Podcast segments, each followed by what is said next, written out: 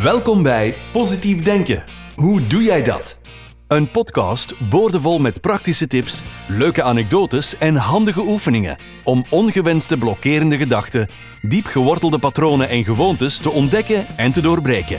We luisteren naar verhalen van mensen die na ernstige, soms wel traumatische gebeurtenissen in hun leven toch weer het zonlicht zien schijnen.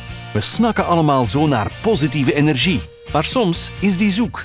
Positief denken, hoe doe jij dat? Hier is jullie host, Sylvie Dutois.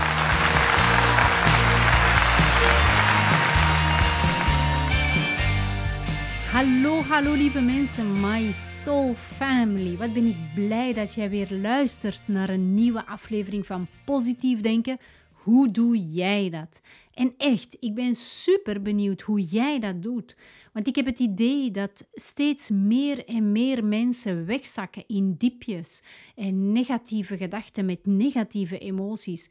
En soms niet weten hoe ze eruit moeten geraken.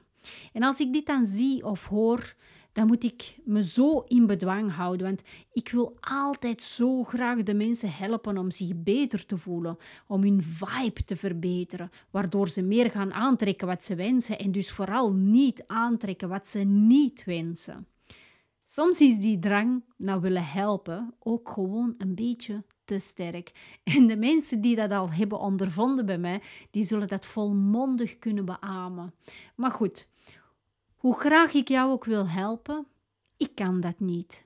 En hoezeer zit me soms ook frustreert, ik moet dit dan loslaten. Want niemand kan jou helpen. Niemand. Wel, jawel, wel iemand. Jij. Jij bent de enige die de stap kan zetten om jezelf beter te voelen. Jij kan de stap zetten om het uh, maken van een juiste keuze. Want de keuzes maken die, die jij moet maken, Keuzes moet je elke dag maken. En wist je uh, en besef je dat wij de enige wezens hier op aarde zijn die deze privilege hebben. Wij zijn de enigen die de kracht bezitten om keuzes te maken. Maar hoe weet jij nu of jouw keuze de juiste is? De juiste keuze? Wel, om het simpel uit te leggen, als je een keuze maakt vanuit je ego, dan is deze keuze niet de juiste keuze voor jou. Maar maak je de keuze vanuit een ingeving, vanuit je hogere zelf, je ware ik, je inner being, dan is deze 100% de juiste en zal deze keuze bepalend zijn voor je groei.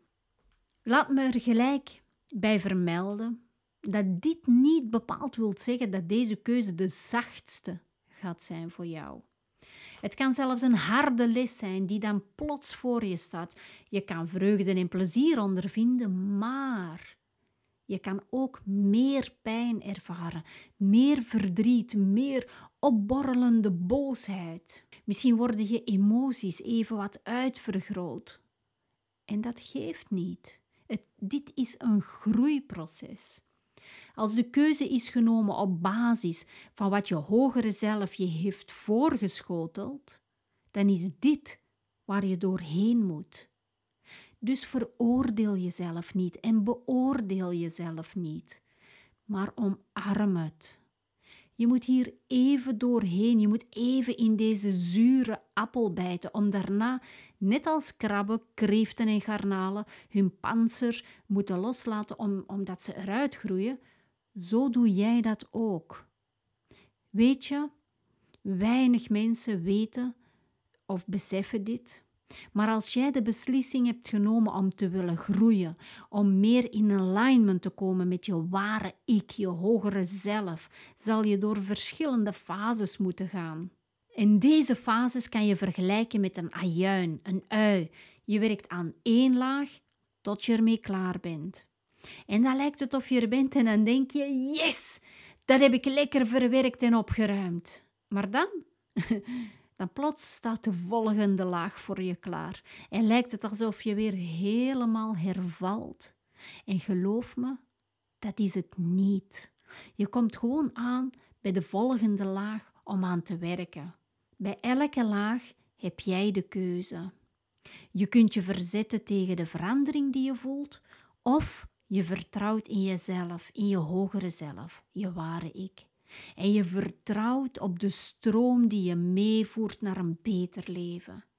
Kijk, als jij die stroom gaat proberen tegen te houden, tegen de stroom in wilt gaan, om zo op deze manier uh, te behouden waarmee je vertrouwd bent, dan ga je enkel en alleen je groei belemmeren. Je gaat je angsten versterken en je ga je nodeloze spanningen en strijd leveren tegen jezelf. Maar als je erop vertrouwt dat deze prachtige stroom je brengt naar een hoger doel en dat dit wat je nu ondergaat precies is wat je nu nodig hebt om te groeien en jij je totaal overgeeft aan deze ervaringen die je op dit moment beleeft, zal uiteindelijk de trillingsfrequentie van je lichaam, je denkgeest en je emoties omhoog gaan. Als je in een fase zit van het opruimen van je blokkades en belemmeringen, ga je onvermijdelijk met ongemak te maken hebben. En als je dit in je achterhoofd houdt en je ervan bewust bent, ga je zien, ondervinden en voelen hoe mooi het is als je aan deze blokkades kunt en mag werken. Indien je dit toch heel erg moeilijk vindt om dit alleen te doen, ik heb een 10 weken uh, online programma waar we diep diep helend en herprogrammerend werk doen. We gaan gericht je onderbewustzijn herprogrammeren, je innerlijk kind helen aan ego-acceptatie doen, aan mindset-masterschap doen. Je gaat leren om je pijnlichaam te koesteren en uiteindelijk een high vibrationeel leven creëren. Wil je meedoen? Ga dan naar healingthroughawareness.be. Healing Through Awareness is een cursus die de moderne neurowetenschap en de oude wijsheid van het energetisch lichaam combineert tot één. Waar wetenschap en spiritualiteit samensmelten, is de magie van Healing Through Awareness, dat uiteindelijk zorgt voor epische transformaties. Dus we gaan je onderbewustzijn rewiren en je afstemmen op je soul vision, zodat je krachtig weer een gelukkig leven kunt manifesteren en waar jij je belemmeringen leert omarmen.